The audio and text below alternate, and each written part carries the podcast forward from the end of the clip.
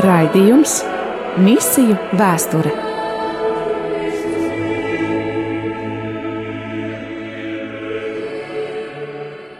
Raidījums Misiju vēsture šodien, otrdien, 15. oktobrī, pulksten 4 un 1 minūtē tavā radio Vilnī, radio Marija Vilnī.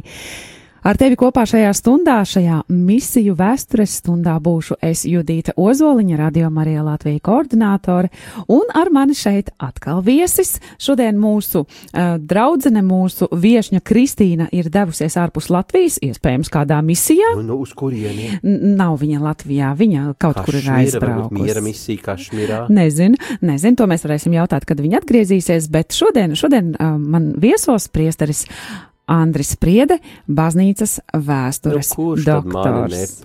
Nu, tie, kas ieslēguši šodien pirmo reizi rādījumu Mariju. Jā, novēl viņiem neizslēgt uzreiz, nu, noklausīties vismaz līdz muzikālajai pauzai. Jūs tāds optimismu pilns, es klausos. Priesteri, tiešām man ļoti liels prieks, ka jūs varējāt atrast laiku, lai būtu ar mums šeit, jo mums te ir jāparunā par lielām lietām. Nevarēja, bet Judīt pasakat, vai ir kāds, kas ir spējīgs jums pateikt nē? Pūkstens ir 4 un 2 minūtes. Mēs pievērsīsimies šī raidījuma satura galvenajai tēmai, misiju vēsturei.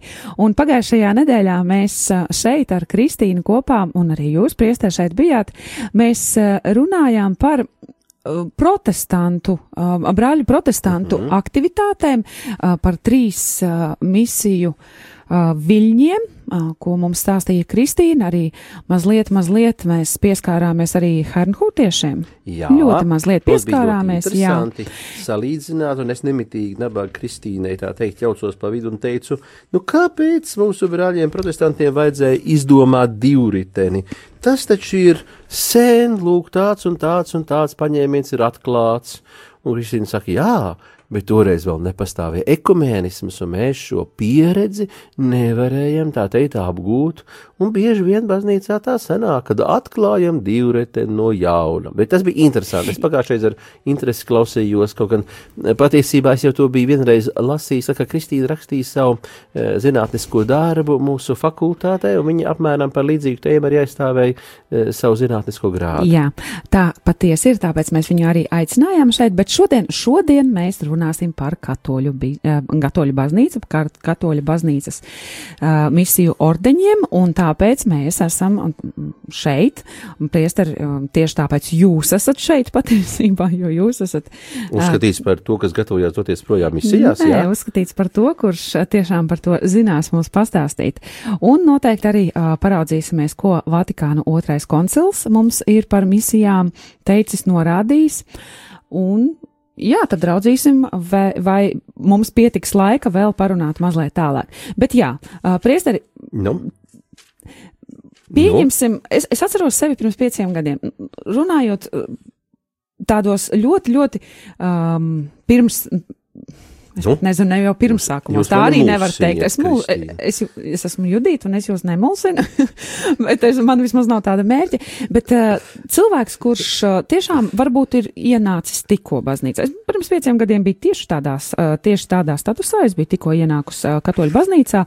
Un, un sākāt klausīties radio Mariju. Jā, jā, tad vēl radio Marija nebija. Tāpēc uh, tiešām uh, prieks un pateicība Dievam par to, ka šobrīd ir un ka mēs varam uh, brāļiem un māsām darīt zināmas vairāk lietas, un, un tas ir vienkāršāk, vienkārši ieslēgt radio un kaut ko uzzināt tajā brīdī, nu, daudz gadus atpakaļ, un ne tik daudz gadus atpakaļ tāda iespēja nebija.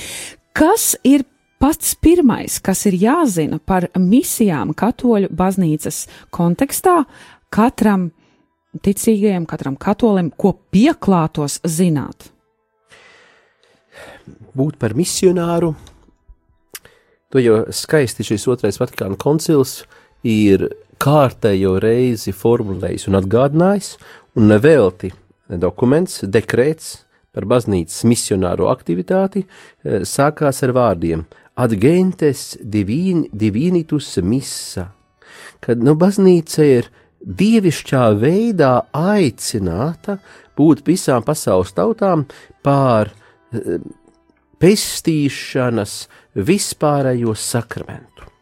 Nu, un tas nav iespējams tikai, ja mēs sēžam ieslēgušies savā baznīcā un paši priecājamies un sakām, cik skaisti pie mums. Un cik mums labi sanāk. Un nu, kurš vēl labāk par mums spēja nodziedāt lūk šo Gregoriāniku vai arī, nu, kādu slavēšanas dziesmiņu, Nu, vai tas būtu universālās pasaules atpestīšanas instruments, vai tad baznīca pildītu savu uzdevumu?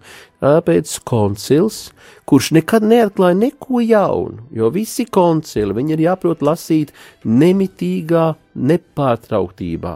Nav tā, ka sanāca uz otro Vatikānu koncilu, vai sanāca uz pirmo Vatikānu koncilu, vai uz Tridents koncilu, un ka tā tas svētais gars ar tādu klikšķi pēkšņi nolaidās 1900 gadus ilgi būdams mēms. Nē, bet viņi apkopo līdzšinējo pieredzi, un līdzšinējā pieredze raksta rāda, kad eh, baznīca pēc savu raksturu ir misionāra. Tā misionārā aktivitāte, jā, viņa var izpausties daudzos un dažādos veidos, jo e, nekur jau nav teikts, ka misionārā aktivitāte ir tas, ar ko mums tā stereotipi ir priekšstats, no ierodās misionārs, viņš nostājās Rīgas centrālajā stacijā, es atceros tādu gadījumu, stāv viens, viens vīriņš, visticamāk no kādas Savienotajām valstīm vai no Kanādas un pilnā balsī bļauj Jēzus, Jēzus, Jēzus, Jēzus, Jēzus, Jēzus, Jēzus, Jēzus, Jēzus. Nu, visās iespējamās toņu kārtās, bet maksimāli, uz maksimālo skaļumu. Un tad kādi divi e, dala lapiņas.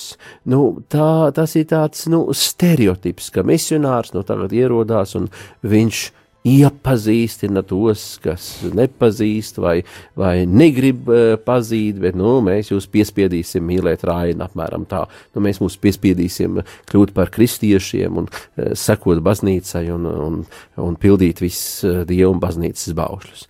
Nē, misionārā aktivitāte gadu simtos un tūkstošos var izpausties arī ne tikai tā, ka es tev paņemu zem rokas un saku lūgt Jēzus, bet kad es tev sniedzu tuvāk mīlestības liecību. Un ja mēs pārlasām šo dekrētu, kas tieši ir veltīts adgentes divinitus, e, tad tur ir runa e, par tik aktuālu tēmu, ka ne jau visur misionāram ir iespējams doties un tagad eh, dalītās lapiņas, eh, ņemt cilvēku zem rokas, bet var būt, eh, kad ir vienkārši jāliecina kristīgā tuvāk mīlestības liecība. Mēs uzšķiram šī, šī dokumenta tur sesto paragrāfu, pirmās nodaļas sesto paragrāfu, un tur saka, insupererum adjuncta liquando talies sunt un possibilitas pro tempore desint preconium evangelium directe ac statim proponendi. Tātad var gadīties, kā ir situācija, kad mums ir liekta iespēja tiešā veidā pasludināt evaņģēlisko vēsti, labo vēsti. Un tādā gadījumā tu esi un paliec misionārs, bet ar pacietību un ar, notēt tas latiņu vārds prudenter, ar zināmu gudrību un tanī pašā laikā ar neizmērojumu paļāvību uz Dievu vadību, tev ir jāpaliek un tu liecini vismaz Kristus, karitas ak bonitas, beneficentem, tātad Kristus labdarību. Un tādā veidā, liecinādams ar tuvāku mīlestību, tu sagatavo kunga ceļus un viņu tādā veidā radi klātesošu. Priester, nu? man, man nu, nu. jūsos klausoties, man Nu, nu, mm, šķiet, ka man ir skaidrs tas, par ko jūs runājat, bet par šo vārdu tuvāk mīlestību. Ziniet, man gadījās pirms nedēļas, ceturtdienā man bija jāprezentē kāds darbs. Un tur tā garais stāsts īstā versijā ir, es prezentēju uh, darbu par tautas dziesmām latviešu. Nu, tas ir viens no Brīnišķīgi. mūsu Latvijas, jā, tas ir viens no mūsu Latvijas tādiem uh, kultūras, tādām bagātībām. Stūrakmeņiem. Jā, stūrakmeņiem. Mūsu identitātes stūrakmeņs. Jā, jā, un man bija jārunā, jārunā par kādu konkrētu uh, lietu šajās tautas dziesmās, un es uh, iekļāvu savā darbā un arī savā prezentācijā šo vārdu tuvāk mīlestību. Un, uh, un tad man prasīja, kas tas ir? Izskaidro, kas tas ir? Priestrīt, kā saviem vārdiem nekādas gudrības, saprotiet, jo es, es vienmēr esmu par vienkāršību, jo mēs vienkāršāk Jā. cilvēkam, vienkāršā valodā paskaidrosim, lai tam, tā ziņa nonāk līdz tam cilvēkam. Kas tad ir tā tuvāk mīlestība, kura mums ir jāparāda? Es zināmā mērā varētu piekrist uh, diskusijai uh, fakultātē uh, par šī. Tas nebija fakultātē, tas bija pilnīgi laicīgā vidē. Ā. Pilnīgi laicīga, kur vispār nav šī vārda. Cilvēki, kas pirmo Jā, reizi dzird šo vārdu, jā, salikumu jā, tuvāk jā. mīlestībai. Nu, uh, šeit uh, latīņu teksts lieto vārdu karitātis. Tā tad nu, mums uh, latviešu valodā ir uh, ļoti um, ierobežots vārdu Iespējas, skaits, kas mhm. attiecina, attiecās uz mīlestību. Grieķu uh, un latīņu valodās tā, tas diapazons ir krietni plašāks. Un tāpēc vārdiņš tuvāk mīlestība tik tiešām attiecībā uz tautas dziesmu leksiku nav viegli eh, atrodams. Nu, at, nav tik vienkārši attiecināms, jo nu, latviešu, eh, latviešu folklorā ir cildināts darba tikums. Jā, darba tikums. Tajā brīdī bija runa par to, ka iet dalīt, uh, iet dalīt sieru pie baznīcas nabagiem. Jā, Tātad, bet es- kādam nolūkam, Uh, lai viņi lūgtos. Tas ir tas pats mantojums, kas mūsu eh, latviešu, tā teikt, pat šodienas eh, tādā, teiksim, eh, labajā tonī ir iegājies, ka pēc bērēm pirmais, ko mēs piedāvājam, ir tā vīna glāze un tā mazā kūciņa. Kaut gan es dodu priekšroku, protams, um, buljonam un pīrādziņiem vai buljonam un komorien vīdariem. Tas ir mana jautājums. Atsaucu uz uh, priestara uh, uzstāšanos uh, TV uh, kulinārijas šovā. Uh, bet, uh, jā, tad, Bet kāpēc tas eh, sāk tomēr ar pīrādziņu un nevis ar to, nevis ar to silto foršo buļļonu krūzi?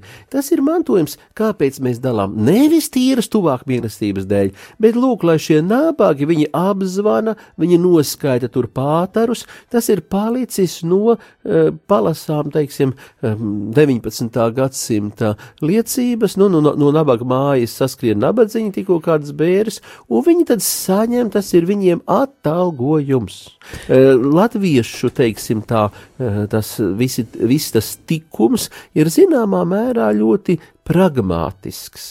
Jā, mē, mums ir folklorā, mēs tagad esam novirzījušies. Jā, mēs uz folkloru, novirzamies, es gribēju bet, nu, teikt, mums- dod dieviņu otram dot, ne no otra Otra mīļi lūgt, ne, nedod dieviņu kalnā kāpt, ne no kalna leņā. Tas, tas ir skaidrs, bet, teiksim, tā tuvāka mīlestība, eh, kādu pieprasa Vatikāna koncila dokumentu. Un nedomā, Vatikāna koncila dokumentu to neprieprasa, to pieprasa Kristus. Tas ir evaņģēlīvēs. Ši, šis koncepts varbūt tik tiešām uh, ir ienācis tikai ar, ar evaņģēliju.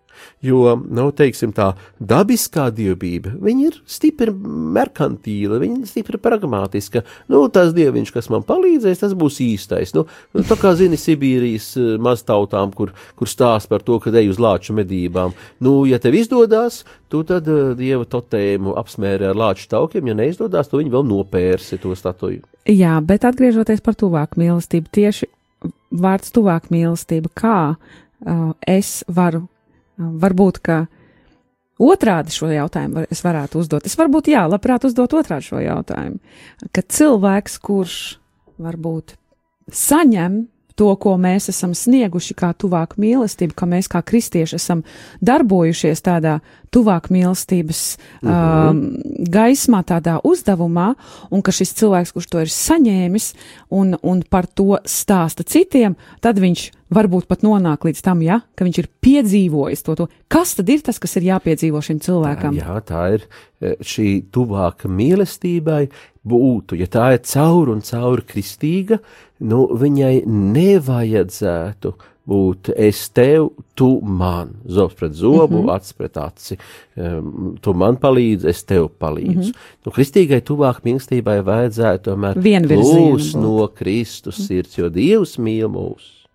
Nevis tāpēc, ka viņiem nu, kaut ko no mums uh, vajadzētu. Nu, tā ir tā um, kristietības izcilā vēsts, e, kur mēs nonākam e, un, un nesakam tā, a, kas par man, par manu nesavtību būs?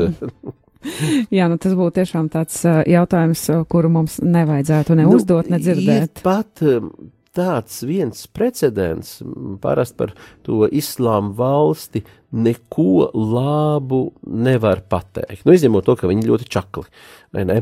Bet, nu, vienu tādu kazusu es tomēr esmu dzirdējis, kā e, tādu, kad viņi ir ienākuši e, vienā e, bērnu slimnīcā, kurā darbojušās mūsu misionārs, nu, tātad reliģiskais katoļmās ordenis, un, nu, kā parasti ir vēlējušies, mums ir neskaitāmas liecības par ne tikai iznīcinātiem cilvēkiem, noslapkavotiem par atteikšanos pieņemt islāmu vai tādā gadījumā pārvērstām par verdzenēm, nu, vai iznīcinātiem kristīgās civilizācijas pieminekļiem, viss, kas bijis pirms islāma, tas ir slikts. Nu, to mums ir neskaitām piemēri, bet nu, viens piemērs tomēr ir aizkustinošs, nu, viņi tagad ierodās šajā slimnīcā, un nu, ir gatavi tagad nu, visu izrevidēt, apslaktēt māsas, un, un pārņemt to visu, tā teikt, islāma valsts vajadzībām,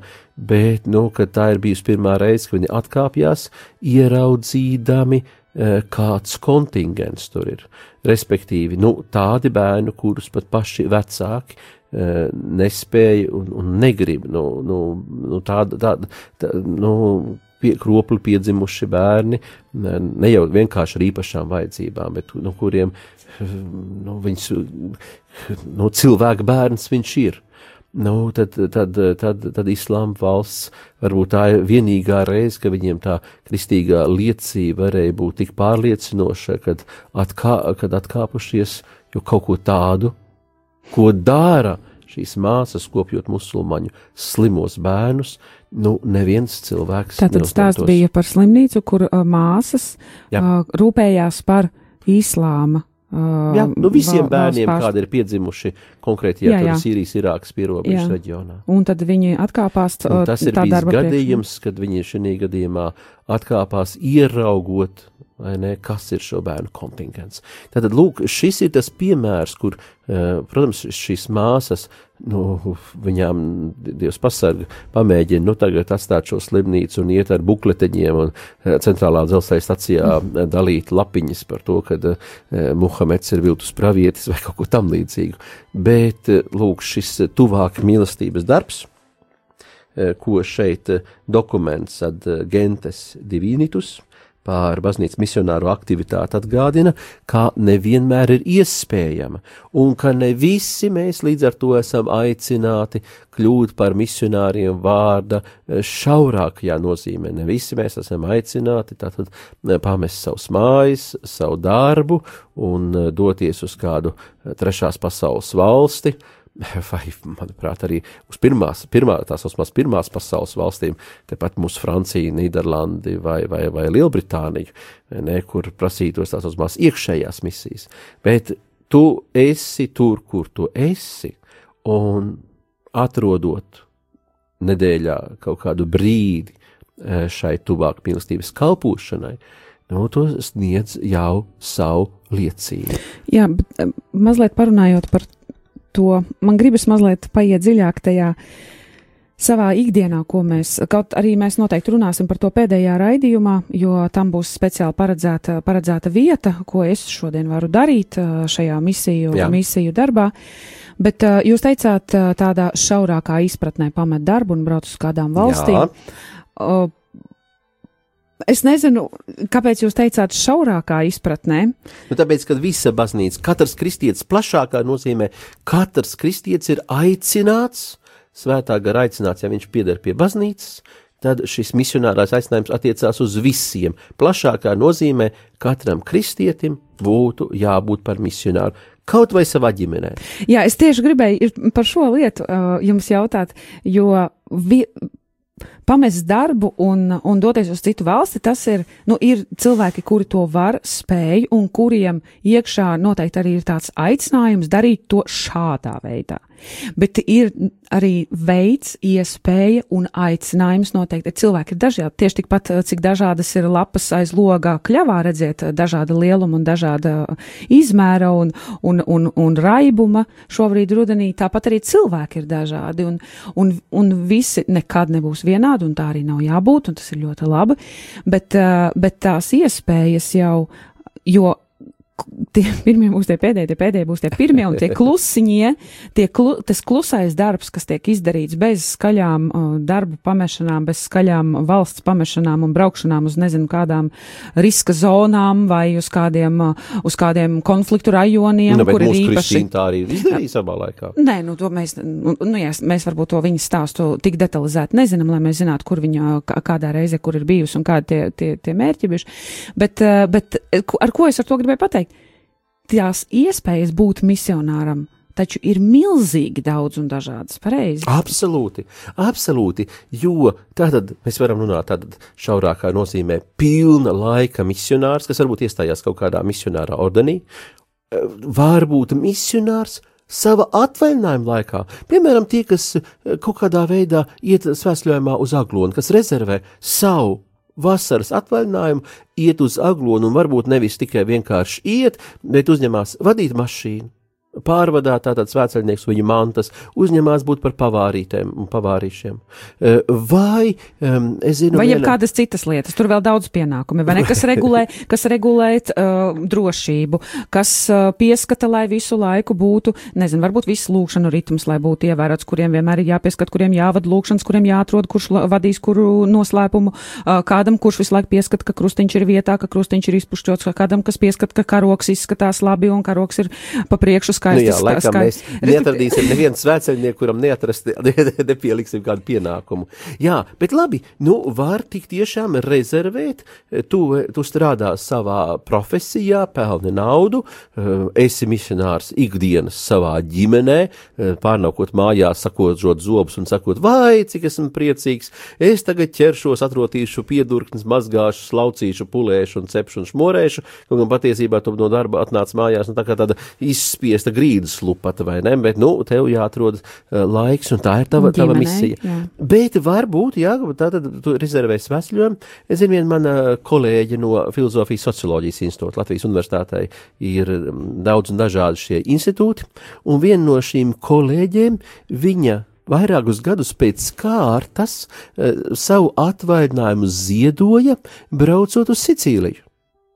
Un nevis, teiksim, uz Čefalu vai Palermo, tur zina pludmalēm un nogaršot secīliešu slavenos saldos, tur viņu, ka, ne tikai, ah, viņiem ir ne tikai saldie, bet arī sāļie pasakājumi, viņi kaneloni, piemēram, viņi jau varbūt ne tikai saldi. Labi, bet tā tad neaizraušos. Viņa dodās, jā, viņa dodās. Bet viņa dodās Sicīlijā uz bēgļu nometni par brīvprātīgo mana kolēģe, vēstures doktore, un viņa kā brīvprātīgā brauc jezuīti ir nu, pie šīs situācijas, kad no pāvis Francisks brāts mums ir jāuzņem imigranti. Vietējās draudzes saka, mēs vienkārši vairāk nevaram, mēs to nespējam. Nu, lieciet viņus klosterijos iekšā, klosteri jums stāv tukšs, saka pāvis. Nu, nu, viegli, viegli pa, pateikt, nu, tad, tad, lai pierādītu, ka mēs arī, tad Vatikāna arī pieņēma tieši pašo iekšpus Vatikāna mūriem, tur viens sīriešu bēgļu ģimeni, bet ar sīriešu bēgļiem jau ir vienkārši. Viņi stāsta, ka Sicīlijā jezuīti, lai atslogotu tās pārmocītās, burtiskā nozīmē, nu, nu tās, tās, tās draudzes, viņas nevar vairāk klausīties nemitīgus atgādinājumus, lūk, jums jāsniedz kristīgā liecība, bet cik tad mēs viņu varam, mēs taču nevaram pār, pār, pārvērsties, tiek tiešām pamest savus darbus un savus ģimenes un, un kļūt par pilnu laika kalpotājiem. Nu, lūk, un tad jezuīti eh, mēģināja saorganizēt no, no Eiropas šādus brīvprātīgos, un šī kolēģe um, apmetās tātad uh, blakus bēgļu nometnei, kur viņi sašķiro tur bērni, sievietes, vīrieši. Viņi saka, ka tādā Sicīlijā sīrieši bija uz pirkstiem skaitāmi. Tie visi ir tie, kas ir tā saucamie ekonomiskie bēgļi. Un viņi savu laiku ziedo lai strādātu ar šiem cilvēkiem, no kuriem Eiropā pēc viņas domām ekonomiskā labuma nebūs nekāda, jo, teiksim, tā sieviešu nometnē viņa saka, nu, viņ, viņai būtu grūti sameklēt kādu no tām sievietēm, kura, kurai nebūtu nepieciešama psihologa, lai neteikt psihiatra palīdzība. Jo e, tas, kā šie cilvēku tirgotāji viņus ir savērvējuši Āfrikā, teikdami, lūk, tur būs uh, Eiropā, jūs sagaidīs tā un šitā, un, un kā viņi stāsta, kad pa šiem Nigērijas ciemiem strādā uh, tātad speciāli algoti mafijas cilvēki, kas staigā apkārt ar savu plancešu datoru un rāģi ģimenēm. Nu, redzi, tas ir mans uh, brāļdēls, krustdēls un tam līdzīgi. Pirmajā gadā, kā viņš ieradās Eiropā, viņam bija uh, mašīna, otrajā gadā māja, trešajā gadā jau viņš aprecējās un redziet, nu, uh, mm -hmm. kā. Laime pilnīgi. Laime pilnīgi. Un tu tagad ierodies, un tagad tu izbrauc caur tai Lībijai, kamēr bija Muamars Gaddafi, kurš, tā teikt, šo robežu turēja integrāli slēgtu Nu, un, un tagad eh, ar demokrātiju, eh, kuru katrs tā teikt, eh, ieroču tirgotājs var izveidot gan izveidot savu valstiņu, nu tad tur plūsti cauri. Un tādā pašā laikā izmantots, pārpirkts un pārdots, un kad tu esi nonācis Eiropā, tev ir vajadzīga psiholoģiskā palīdzība, nekas, nekas, nekas vairāk. Un, un kā viņi saka, no, no visas tās sieviešu komandas, kādas divas, kuras sāka mācīties valodu, valodu un meklē darbu par apkopējiem vai kaut ko tam līdzīgu. Pārējās joprojām gaida, kad tas kliņģerlietiņš līs. Un cilvēks brauc. Tas tā ir misionārā kalpošana pie šiem nekristiešiem, pie nelaimīgiem cilvēkiem, kas ir padarīti e, mūsu neizprotamas e, politikas vārdā pār ķilniekiem. Jā, mēs Iesim šobrīd uh, muzikālajā pauzē un domāsim, domāsim to, ko, pārdomāsim to, ko priesteris ir teicis, un atgriezīsimies atpakaļ no dziesmas, un mēs turpināsim par misiju vēsturi. Paldies!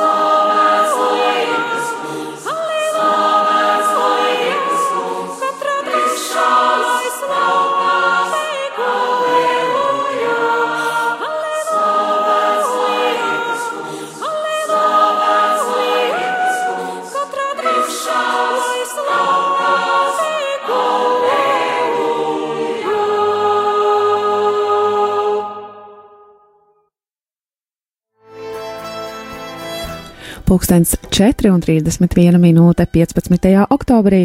Šajā stundā ar tevi kopā esmu es Judīta Ozoliņa, un šī ir stunda, kuru mēs veltam misiju vēstures pārskatiem. Ar mani kopā šeit studijā ir Latvijas vienīgais baznīcas vēstures doktors Vai. priesteris Andris Priede. Paldies, ka esat šodien ar mums. Pirms dziesmas mēs, nu, vairāk kārt laikam mazliet aizslīdējām uh, no tās koncentrētā tēmas nosaukuma misija vēsture, bet, bet noteikti tas nav nejauši. Uh, priesteri, par otro Vatikānu koncilu jūs mums jau ie, ie, Ieskicēju, iemetāt, jā. ieskicējāt, bet uh, pirms ot, otrais Vatikānas koncils ir pārskatāmā pagātnē. Uh, sasaukts koncils un, un pirms tam taču notika vēl daudz, daudzus gadsimtus atpakaļ. Jā, Misijas taisnība. darbs. taisnība. Tātad, ja mēs atgriežamies pie misionāriem, tātad vārda šaurākā, ja pilna laika misionāriem, jo mēs runājam par to, ka katrs no mums atbilstoši baznīcas misionāram aicinājumam mm -hmm. var un mums vajadzētu būt par labiem misionāriem kaut vai savā brīvlaikā. Vai nu, tad, kad beidzās darbs, mūsu astoņas stundas darba vietā, un Tad var nākt uz rādio un, un kopā ar klausītājiem lūgties, vai no rīta pirms darba var nākt Arī lūgties. misija. Jā, arī misija. Bet jā. labi, tie, kuri tiešām vārda šaurākā nozīmē sevi ir veltījuši, lai strādātu pie tiem, kurus uh, tur viduslaikos sauc infidēlis, no, pie neticīgajiem, uh, respektīvi, nu, islāms savā laikā uzskatīja par vienu no kristietības sektēm, kā islāms savukārt šodien uzskata mūs par šo gļēvo, neticīgo sektu, bet uzskatot, ka vienalga mēs esam uh, viens un tās pašas reliģijas, tikai nu, tādi, tādi nevisai, nevisai, uh, Nevisai izdevušies. Nevi, Eh, Tad, lūk, eh, pirmajā gadu tūkstotī, kad mēs ie- ieskicējam apustuliskos laikus, jā, nu tad katrs kristietis, īpaši jau tirgotājs, kas dodas uz citām zemēm, viņš ir, viņš ir misionārs.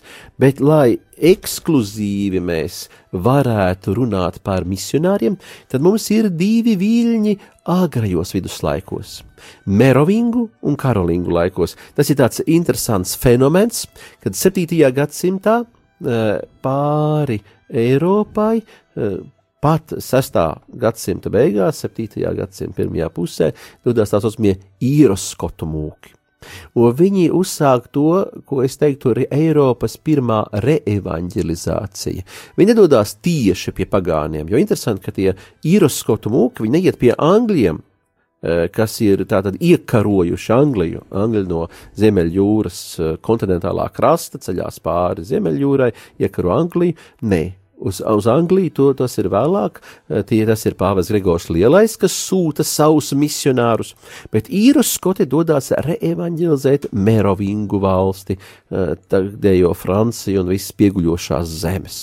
Viņu misija ir tāda diezgan harizmātiska, kā mēs teiktu, eh, uzrunājot sabiedrību ar drīzāk ar savu nu, svētumu, ar harizmātiskiem brīnumiem.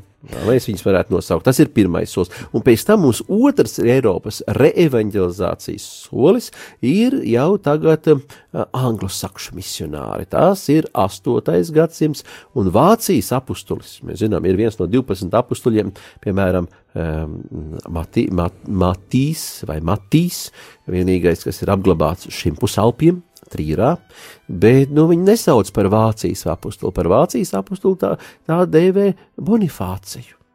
Ja?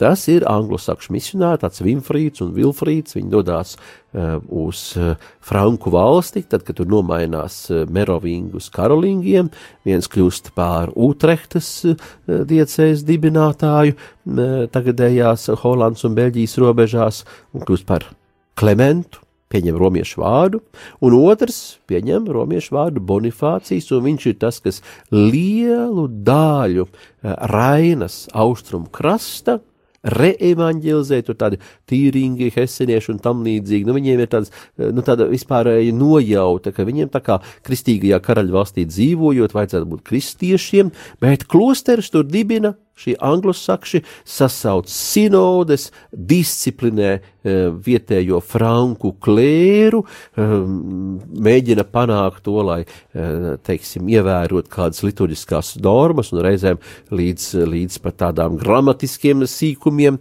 Tur tāds interesants kāzus, ka Bonifācijas raksta uz Romu un saka, nu, vai tie bavāriešu priesteri, kuri kristī bērnus ar vārdiem in nomine patria et filija, nu, burtiskā tūkojumā būtu tēvzemes vārdā, vai ne, nomine patris, bet patrija, vai ne?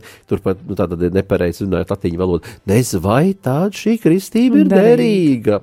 Nu, tātad pirmajā gada tūkstotī mums ir cilvēki viņi sev paši neuztver kā misionārus, bet viņi reevanģelizē Eiropu. Viņi ir. Un ar šo reevanģelizāciju jūs domājat tā, lai, nu, skaidrs, lai, lai klausī, ja man rodas tāds jautājums, no kā tad jāizreevanģelizē laukā, tad arī noteikti vēl kādam var rasties jautājums, kas tad ir tas fonds, kas tur ir, lai viņā ienest par jaunu šo evaņģēliju. Diecēzes pastāv, ir bīskapi, ir garīdznieki bet viņi rīkojās bieži vien, nu tā, Aplam? Roma tālu, dievs augstu, kā es māku, tā es maunu.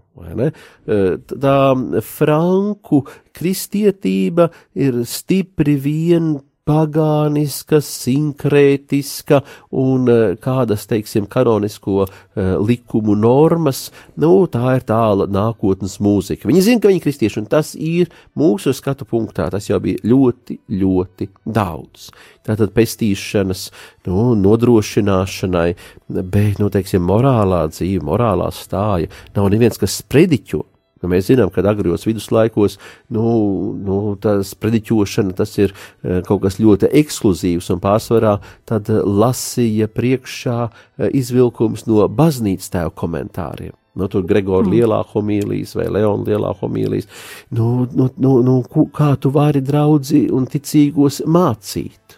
Ja ne? nav šī satura, ja? Ja, ja, ja, ja, ja tu zini, ka tu esi kristietis, tu esi varbūt ordinēts, uh, Un tad, piemēram, Kārlis Martels ir pirmā baznīcas īpašuma sekularizācija, cīņa pret uh, islāmu, kurš ir iekarojis Spāniju, pārcēlies pāri Pirenejiem, apstājās jau gan pie Parīzes 732. gadā po, tūras un poķie kaujas, un lai to uh, varētu finansēt jau no karaspēku, nu, Kārlis Martels, Karolingu tāds majordoms, viņš uh, konfiscē baznīcas īpašums, un tad tā, tā jau niecīgā izglītības iespēja ir iedragāta. Eiropa prasa reevanģelizāciju, mm -hmm. lai būtu ne tikai apziņa, apziņa, ka mēs esam nevis pagāni, bet kristieši, kristieši, bet lai arī dzīvotu kā kristieši, un īpaši jau klērs, lai viņi būtu izglītoti es nezinu par klēru, šobrīd noteikti es absolūti ne, nevarētu to teikt, bet, bet vai mēs mm. mazliet neesam šodien um, savā valstī nonākuši šajos laikos tajā, mums, mums vajag reevanģelizēt, jo mēs apkārt uh, saraksti ir tik uh, gari baznīcās un draudzēs, bet nav tā, ka, la, ka ikdienas, uh, ikdienas misēs stāvgrūdām būtu baznīcas pilns, vai mūs vajag reevanģelizēt šobrīd? Nu, nav tāda vieta un tāda zeme, kur nevajadzētu, kur, ne, kur neprasītos pēc eh, jaunas atgriešanās. Tāpēc, piemēram, Pāvis Jānis Pāvils bija um, izplatījis tādu dievbijību uz Mariju kā evanģelizācijas zvaigzni, tepat Eiropā reevanģelizācija. Bet man precīzāk būtu jālieto vārdu, nu, ja tā ir vienreiz kristīta, nu, tad viņu vajag atkal re, re, re ir atkal, tāpat kā Jā, reforma. Reforma jau nenozīmē, ka mēs izdomājam kaut ko jaunu. Reforma ir mēģinājums atgriezties pie sākotnējās formas. Paldies, es to arī nu, gribēju dzirdēt. bet tad, bet par vēl par kādiem ordeņiem noteikti. Nākošais solis jau ir tad, kad mēs esam no, no tā teikt, no agrajiem un tumšajiem viduslaikiem, kuriem sekoja tātad Merovingu un pēc tam jau sevišķi Karolingu renesanse, tātad šo anglosakšu misionāru darba augļi bija vērā ņemami, Kārlis Lielais, piemēram, pieprasa obligāti domas skolas un klosteru skolas, bet Kārļa Lielā Eh, tā saucamā Karlingu renesanse. 8. un 9. gadsimta mijā viņi nomainīs tāds smags periods, kārtējais eh, pārbaudījuma periods Eiropai, tāds mie sekulum obskūrum, jeb tumšie laiki. Bet pēc tiem mums ir, nu, tādi ir nepārtraukts tomēr atzīstams garīgās dzīves progress, un spilgtākais, autentisks misionāru ordenis. Tās tie ir mercedārieši un trinitārieši. Es uz viņiem varu raudzīties ar abrīnu, cik progresīvi, piemēram, svētais Raimons de Lulli, Aragonijas misionārs, kurš pieprasa, lai tie, kas tātad dotos pāri vidusjūrai, rūpēties par kristiešu gūstekņiem,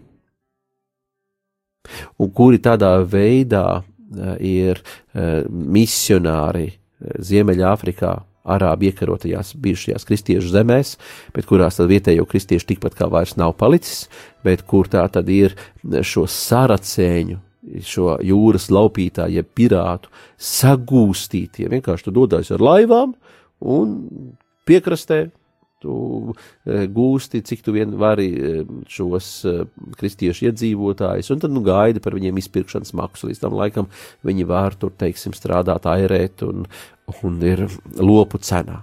Nu, un Raimons de Lulli pieprasīja, ka topošie misionāri, kas rūpētos par kristiešu vergiem, par kristiešu gūstekņiem, lai viņi mācītos valodas, lai viņi apgūtu arī Korānu.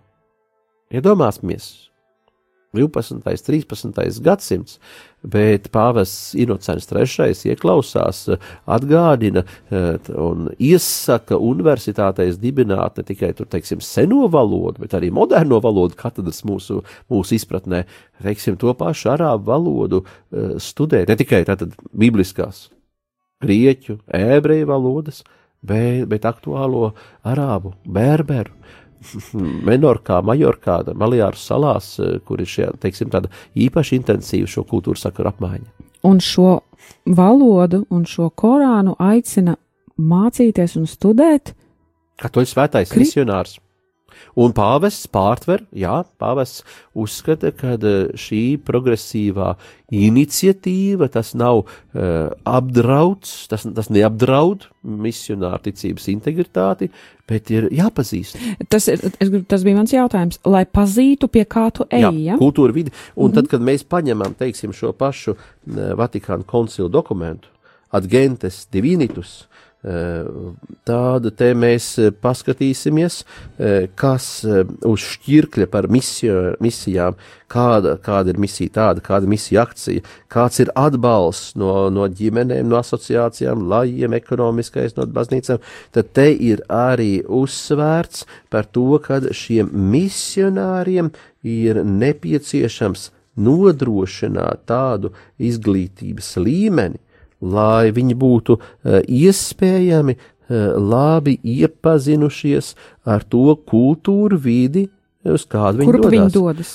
Piemēram, mūsu pāvesta Gregora universitātē, ko man ir gods bijis pabeigt, uh, tur ir, labi, es pabeidzu baznīcas vēstures fakultāti, bet bija arī, tā teikt, misioloģijas fakultāte. Mūsu ļoti cienījamais viņa eminents kardināls Jānis Pujāts uzskatīja, ka ir nepieciešams un sūtīja arī no Latvijas lai vai ne, kas pabeigtu, aizstāvētu savu doktora grādu misioloģijā. Tā tad tas, ko šodien, 20. un 21. gadsimtā, ko mēs uzskatām, lūk, kāds sasniegums, mēs iepazīstamies ar dažādu tautu kultūru un dažādu tautu reliģijām, bet tas jau ir uh, vēlajos viduslaikos pietiekoši skaidri formulēts. Trinitārieši, mercedārieši, tātad tie tie vēsturiskie ordeņi, kuriem varētu teikt šajos agrīnijos laikos ir cēlmlauža funkcijas. Protams, arī franciskāņi, Protams, atcerēsimies Svētais Francisks, kas dodas pie sultāna, tad viņa mācekļi, kas eh, ceļās pāri Gibraltāram, Svētais Antonijs, kā viņš kļūst par Antoniju. Viņš jau bija augustīniešu kanoniķis, identiski kā mūsu Svētais Menards, bet eh, Antonijs eh, kļūst par franciskānu, viņš atklāja sevi šo aicinājumu, kļūt par ubagotāju, nabagu ordeņu brāli, tad, kad uh, viņš sastopās ar šo uh, spontāno, primitīvo um, aicinājumu pirmajiem franciskāņiem iet liecināt islāma valstīs, bet atšķirībā no trinitāriešiem un mercedāriešiem, viņi vienkārši ierodās musulmaņu valstīs un piekdienās nostājās mošejas priekšā. Nu, tas pat nav īsti, pat varbūt tas ir liels svētums, bet pieklājīgi gan tas nav. Tas ir apmēram kā uh, dažkārt, nu, visu cieņu tādi ļoti dedzīgi misionāri savā izpratnē ir Jehovas liecinieki. Nu, un tā tā praksa, ka dažkārt viņi svētdienās nostājās pie katoļu baznīcas un uh, mūsu ticīgajiem, uh, kas nāk ārā no baznīcas, saka, jūs jau nezināt, kā jūsu dievam vārds nu, atvaino, nu, viens mans kolēģis Jānis Plaudis pēc tā viņiem saka, nu, ziniet, es jums to varu izstāstīt gan grieķiski, gan latīniski, un tad tā saruna uzreiz aptrūkās no, no šo savukārt pašu nepra, nesagatavoto misionāru pēdiņās puses. Bet, nu, tas, ko darīja franciskāņi savā laikā, nu, vai tas bija prāta darbs, faktiski pasliktināt kristiešu stāvokli tādā pašā Marokā. Attiecības nu, vienkārši. vienkārši tādā vietā, lai glābtu šos gūstekņus, satricina fanātismu un uh, jaunas asins izliešanas. Jā, mēs teiksim, svētais gars bija klātesošs, šies, uh, šie uh, brāļi, viņi visi izturēja spīdzināšanas, viņi, nu, līdz pateicoties savai lielajai ticībai, tā tad Dievs viņiem varbūt dāvāja pestīšanu žēlastību, un tāds Antonijs atgriezās, kļuva par no mierpilnas kanoniķa dzīves, pats kļuva par misionāru, bet par misionāru tādā pašā Itālijā, jo kuģis piedzīvoja katastrofu, avāriju, mm. Un viņš visu mūžu nostaigāja un sprediķoja, un ir lielākais, varbūt, Itālijas reevanģelizācijas darba veicējs 13. gadsimtā. Um. Priestarīt, mums ir jāpaņem viena īsa muzikāla pauzīte, bet mums vēl, nu, tāpēc, ka mums to prasa raidījuma formāts, bet redziet, cik ir pulkstens. Nu, tu tā lieta, es tikko pamanīju, cik ir pulkstens, mums vispār nav laika. Priestarīt, bet Vai ir arī kaut kas tuvāk mūsu gadsimtam? Nu, protams, Bet mums ir 16. Minūti. gadsimtā jezuīti, nu, par kuriem mēs var, varam garu un plašu un aizraujoši stāstīt par to, kā viņi uh, īsteno inkulturācijas metodi. Ne? 14. viņi pārtver to paņēmienu kā Giovanni di Montecorvino, iedomājieties, 1300. gadi, un viņš tulko latīņu misi, tāpat kā Bībele, ķīniešu valodā. Pekīnas, jeb tādā laikā zem mongoļiem, Hambalikas arhibīskaps ar vairāk kau, ar kaudzi sufrāvānu bīskapu pārējā Ķīna, Ķīnā un Mongolijā, un tāda tā inkulturācija, kad nevienam viduslaikos tas tie, ir aizspriedumi un tumsonība apgalvot, ka Vatikāna koncils eh, būtu izdomājis tiesības tulkot tautas valodā. Koncils, kā mēs runājam, tikai apkopo nostiprina, pieredzi. Nostiprina to nu, pieredzi. Kas... Un jezuīti, dodoties uz Ķīnu, viņi pārtver šo pieredzi, patiesībā sakot, viņiem nākās to izdomāt no, no jauna, jo neviens viņiem varbūt nebija mācījis par 14. 13. 14. gadsimta panākumiem eh, tālajos austrumos, bet tas ir svētais Francisks Ksavieris, kas Japānā pārliecinās. Tātad dažas mūsu Eiropas vērtības patiesībā Japānā nav vērtība. Piemēram, nabadzības tikums, iet ar tādu noplīsušu sutanu vai, vai habitu, tev vajag zīda habitu. Un tas nostrādāja fantastiski 16. un 17. gadsimta Ķīnā. Un es ticu, ka mums vēl arī līdz mūsdienām būtu vēl ko pārunāt, bet mums ir jāiet muzikālajā pauzē, jo mēs pēc dziesmas atgriezīsimies ar vēl kādu interesantu šķautni, un tas skar Latviju. Vai, cik interesanti! aiz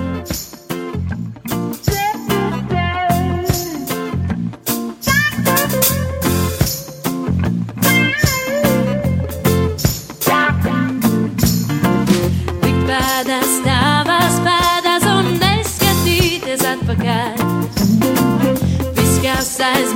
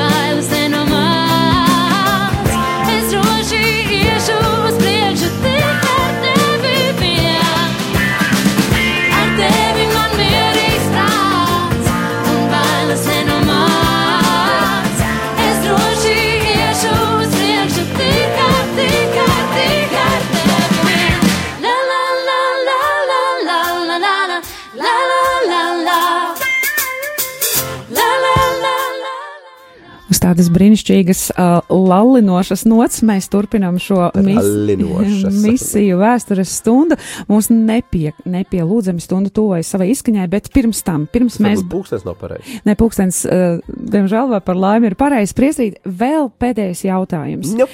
Kā mums Latvijā, kā mēs esam piedzīvojuši šo misiju uh, kustību uh, Eiropā un kā tad Latvijā ir trāpījusi, trāpījis ar šo misiju? Latvija. Zini, ir mums vesela rinda tādu vēsturnieku, eh, kuri aizstāv savu tēzi, ka Latvija lūk būtu evanģelizēta tikai 17, es atvainojos, kur no 17. 18. gadsimta beigās ar hanhūtiešiem brāļiem, par kur mums vakar, es atvainojos, nevis vakar, bet pagājušajā nodarbībā, bet liekas burtiski vakar, tas bija, nu, nepagūst. laiks, laiks tiešām. Nu, Kristīna stāstīja jā, par jā. hanhūtiešiem, nu, un ir tāda tēze, piemēram, cienījamais bijušais vēstures fakultātes dekāns Gvido Straubes kungs. Nu, viņš ir liels, eh, tā teikt, hanhūtiešu perioda pētnieks un arī cienītājs, un arī to, pie- piemēram, Gunt, uh, ir uh, vēl daži tādi autori, kas teiktu uh, tādu. Nu, es viņiem nepiekrītu, lai es kā cienītu uh, Straubes kungu. Uh, nē, tad jau sanāk tā, ka labi vidzemes atsevišķie novadi ir piedzīvojuši uh, atgriešanos ar brāļu draudzi, un tad interesanti, ka tieši tie novadi, kur bija brāļu draudz īpaši spēcīgi 19. gadsimta 40. gados, viņi konvertējās pareizcībā, jo mūsu brāļu draudzes sacītāja tētiņš Dāvis Balodis ir pie, viens no pirmajiem latviešu tautības pareizcīgo priesteriem, pēc tam, kad 13. gadsimtā mums ir bijuši pareizcīgie uh, garīdznieki. Nu, un tad labi vidzemē būtu, un kas tad Latgala un Kurzem joprojām slīkst pagānismā, kur tās brāļu draudzes praktiski nedarbojās. Nu, tā kā eh, kāda ir kristianizēta Latvija, eh, un cik lielā mērā viņi ir uzticīgi šai Kristus vēstī. Tas ir vesela zinātniskās konferences tēma, bet tie, kas 12. un 13. gadsimtā bija pie Latvijas kristīšanas šūpuļa, nu, tur mums ir no divām pusēm. Eh, Un eh, objektīvs vēsturnieks nespēja noliegt, kā eh, agrīnākie un paliekošie misionāri tie nāca no austrumiem. No Poloskas, Poloskas un no Pleskavas. Indričs Šterns, tāds interesants eh, trimdas vēsturnieks, viņš noraida un saka, ka, lūk, visi tie termini, kas mums ir latviešu valodā no slāvu liturģijas, baznīcas, svece, kladīties, gāvēds, zvans un tā tālāk, ka tas, lūk, varētu būt bijis 14. gadsimts Rīgā, kad bija Krievu sēta, un ka tur gāja kūmās un kristījās un tā tālāk, un ka tas nebūtu no eh, 12. 13. gadsimta tālavas vai jersikas eh, kristīgās valsts mantojums. Jo, kā mēs zinām, tāli valžu dēli viņi vienkārši nomainīja ritu no bizantiešu ritu, pārgāja uz, uz latiņu ritu. Bet tomēr, nu, kā mēs šodien tā ar smaidu sakām, ģeopolitiski. Mēs esam ieinteresēti uzsvērt eh, piederību rietumu kristietības tradīcijai. Un tur tad nāca tik tiešām tie, kurus mēs tikko nosaucām par pilna laika misionāriem, tātad mūsu līvzemes apustulis, kā mēs viņus saucam, eh, mūsu eh, Meinards, šīs Zeigebergas augustīniešu kanoniķis, kurš saņem no pāvesta privilēģiju pieņemt no visiem dažādajiem ordeņiem, tur no cisterciešiem un kas, nu, nu visi, kas tik būtu gatavi nākt, jo arī tanī brīdī ir zināms misionāru kadru trūkums, un pāvēs atļauj viņiem visiem valkāt vienu tērpu, lai neradītu mulsumu jaunkristāmajos. Tā tad Latvijas kristianizācija, tur piemēram tāds Pēters Cirsis, jezuītājs Londonā, viņ, viņiem ir krājumiņš, ko es silti iesaku klausītājiem izvilkt un pāršķirstīt, uh, kristīšana, ruguna un zopeni, bet tā tāda liela jautājuma zīme, vai tāda būtu bijusi mūsu kristīšana 12. 13. gadsimtā, kristīšana ir viena lieta, un tā teikt, Livonijas baznīcas valsts politiskais iekārtojums ir cita lieta. Tas, kad šeit izveidojās baznīcas valsts, bet mūsu pirmie misionāri cepuri nost, Meinardam, Mēs tik tiešām, lai kā mēs gribētu, mēs viņam nevaram atrast nevienu trūkumu, ne, ne vēl tāpēc viņu mums izdevās viņa kultu atjaunot. Ar citādāk ir ar Rīgas dibinātāju bīskapu Albertu, vai ne? Uh, uz 1901. gadu uz Rīgas uh, jubileju, vai ne, tur uzbūvēja lielo Rīgas Alberta baznīcu cerībā, ka pāvests Rīgas Albertu būs pasludinājis par svēto. Nu, joprojām tā Rīgas Alberta baznīca ir Dominikāņu Alberta lielā godam. Nu, mums tur ir grūtības, bet mūsu mēnārtis, viņam slavu un gods un pateicība. Viņam slava gods un pateicība, pateicība Dievam par to, ka šeit viņš nonāca un mēs esam tādi, kādi esam varējuši šodien piedzīvot un arī paši būt aicināti doties misijās, par ko mēs runāsim citā redzījumā. Stunda izskan, pilnīgi nepielūdzami, Nepielūdzami. nepielūdzami izskan, mums ir jāatvedās, jo šeit jau nāk studijā nākamais raidījums, sargs savam brālim, un tāpēc tu klausītāji noteikti neslēdz ārā savu Tur tikai radio- māsas, es redzu. Jā, un viņas gatavojas raidījumam. Mēs atvadamies ar mums šeit šodien studijā priesteris, baznīcas vēstures doktors, priesteris Andris Priede, un es Judīta Ozoliņa šajā stundā no jums atvados, lai tiktos citreiz, citā dienā, citā laikā. Nākamā otrdiena neizbēgama. Pilnīgi noteikti. Uh, uztikšanos pavisam jau drīz. Lai svētīgs dienas turpinājums. Paldies, priester, ka bijāt ar mums!